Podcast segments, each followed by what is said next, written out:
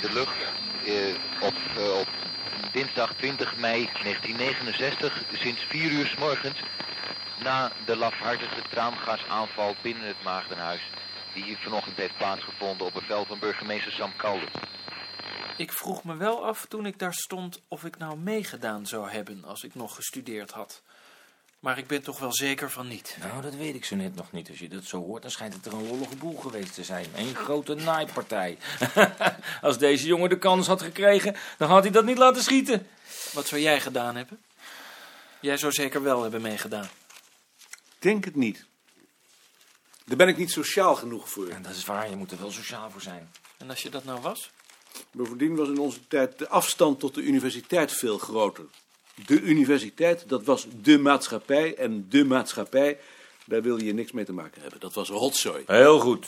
Dus je vindt het eigenlijk maatschappelijk, zo'n bezetting? Ja, Nee, dat vind ik nou helemaal niet. Ik vond het beangstigend. beangstigend. Het had toch heel goed een begin kunnen zijn? Nee.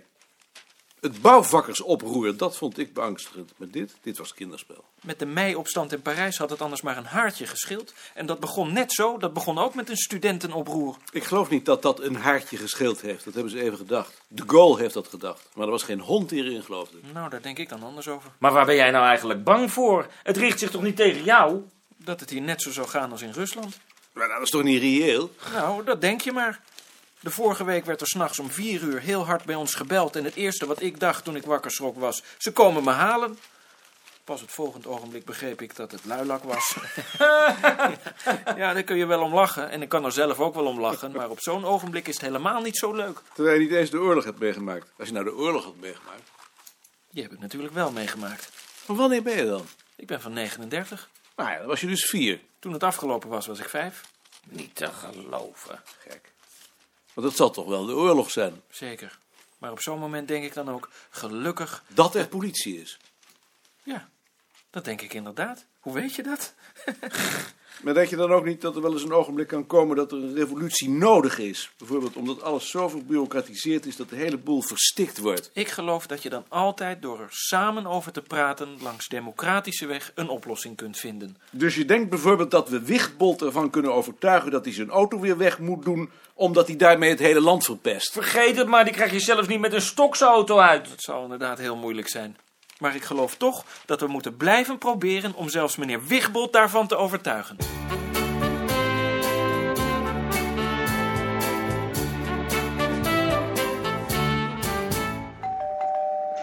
Je moet er toch niet aan denken dat je hier zou wonen? Nee. Nou, dat is ook wat. Wie had dat kunnen denken? Kom wat brengen. Maar jullie komen toch ook wel even binnen?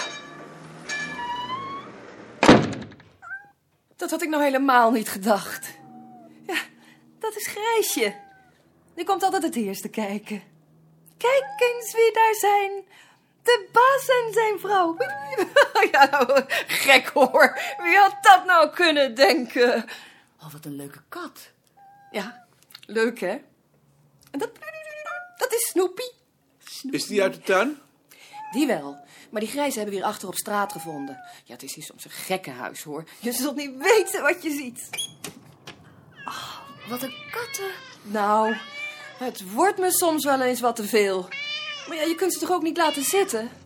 Nou, Ik vind het erg aardig. Ja, ja aardig kun je het wel noemen. Waar kan ik die fruitmand laten? Geef maar. En die bloemen zijn zeker ook voor ons? Jullie willen toch zeker wel thee? Ligt Ad in bed? Ad is beneden in de box. Hij zal zo wel komen. Je kunt ook wel naar hem toe gaan als je dat leuk vindt.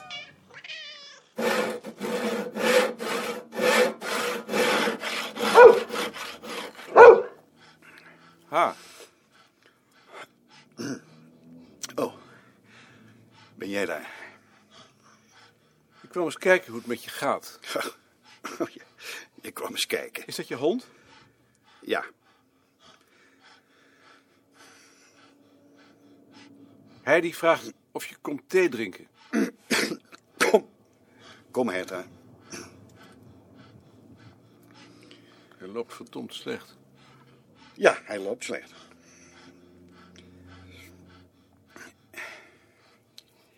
Ik was net van plan om maandag weer eens aan het werk te gaan.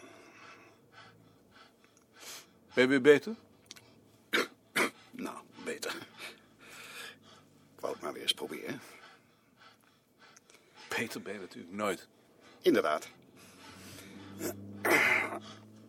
Kom, Herta. Is dat niet verdomd zwaar? Je bent gaan. We zijn er. Ad er ook? Ad is er ook. Dag Nicolien. Ben je weer beter? Zo'n beetje. Nou. En heb je er nooit spijt van gehad? Nee hoor. Nee. Ik ben ontzettend blij juist. Moet er niet aan denken. Zie je wel. Zo denken Ad en ik er ook over.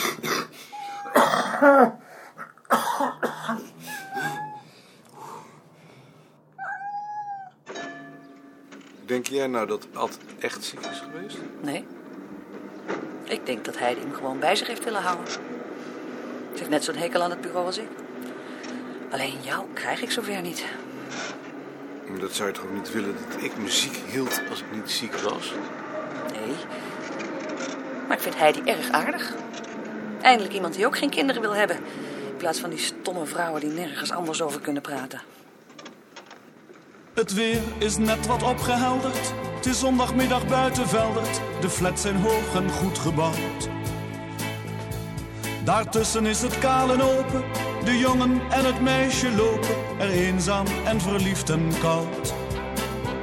U hebt allemaal het gebouw gezien. Het is nu zaak om spijkers met koppen te slaan. De indeling. Mag ik eerst nog wat vragen? Krijgen we allemaal een eigen kamer? De hoofden kunnen in ieder geval een eigen kamer krijgen. Hoeveel kamers zijn er eigenlijk? 40 of eh, 50 genoeg in elk geval. Dan wil ik wel met mijn afdeling aan de voorkant op de eerste etage gaan zitten. Dat willen we allemaal wel. Ik zie niet in waarom u daar zou moeten zitten. De kamer aan de voorkant is voor de directeur en het aangrenzende kamertje heb ik bestemd voor juffrouw Bavelaar. Maar je kunt toch veel beter die kamer aan de achterkant nemen? Dan kan Jantje in de kamer daarnaast, die is ook veel groter. De directeurskamer is voor de directeur. Dan wil ik met mijn afdeling de achterkant wel hebben. Ja, zeg, dat wil ik ook wel. En dan wij zeker op de tweede verdieping in al die kleine donkere hokjes. Ik denk er niet over. Die hokjes kunnen we weg laten breken. En elk ogenblik al die trappen op en af zeker. Geen sprake van.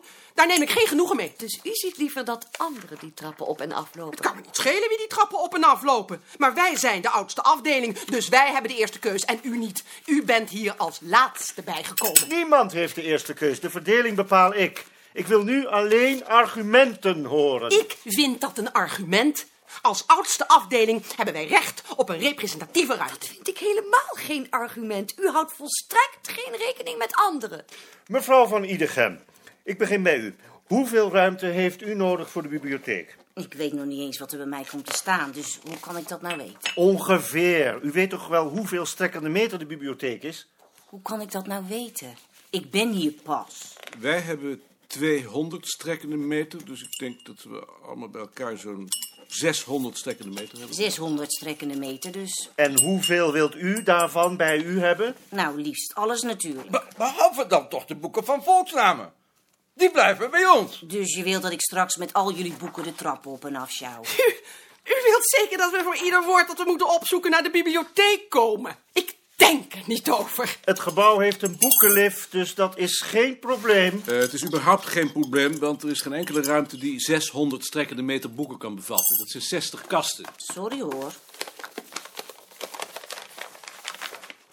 Als we in de kamer rechtsachter op de begane grond de kasten rug aan rug plaatsen, kunnen we daar 40 kasten kwijt. Dan is er nog ruimte genoeg voor de bibliothecaresse. In dat donkere hol. Ik zou toch wel graag af en toe wat zon willen zien. We kunnen niet allemaal in de zon zitten. Bovendien heeft Rijksgebouwendienst me laten weten dat we de bovenverdiepingen niet te zwaar mogen belasten. Er is al eens een ontruiming geweest omdat de muren begonnen te scheuren. Hoe zwaar is jouw kaartsysteem? We hebben nu 500 bakken en er komen ieder jaar 50 bij, dus over 10 jaar zijn dat er 1000. Ja, maar hoe zwaar? 8000 kilo. Dan moeten jullie ook op de begane grond. Dat wordt dan gezellig. Kunt u dat kaartsysteem niet in de kelder zetten? Nee, dat kaartsysteem moet bij ons op de afdeling. Dat hebben we elke dag nodig. Het muziekarchief. Om hoeveel mensen gaat het bij u? Vijf. Vijf. Matser, Elshout, mevrouw Greep. Ik tel er maar vier. Een graanschuur. En graanschuur, die man zie ik altijd over het hoofd. Vijf dus. Dan zou u die drie kamers linksachter kunnen nemen. Waar is dat? Eh, deze. Oh, geen sprake van. Daar hebben we geen enkele privacy. We moeten alle vijf een eigen afgesloten kamer hebben, want we hebben muziek in onze oren en daarbij kunnen wij niet gestoord worden. En dacht u dan soms dat wij wel gestoord kunnen worden? Wat denkt u eigenlijk wel van ons werk? Ik denk niets van uw werk. Ik zit hier voor mijn eigen afdeling en niet voor de uwe. Ik zit hier voor de mijne. Des te beter. Bemoeit u zich dan ook niet met de mijne, alstublieft. De afdeling volkstaal. Om hoeveel mensen gaat het bij u? Vijf. Uzelf, de fluiter, Bosman en Schaafsma? Ik tel er vier.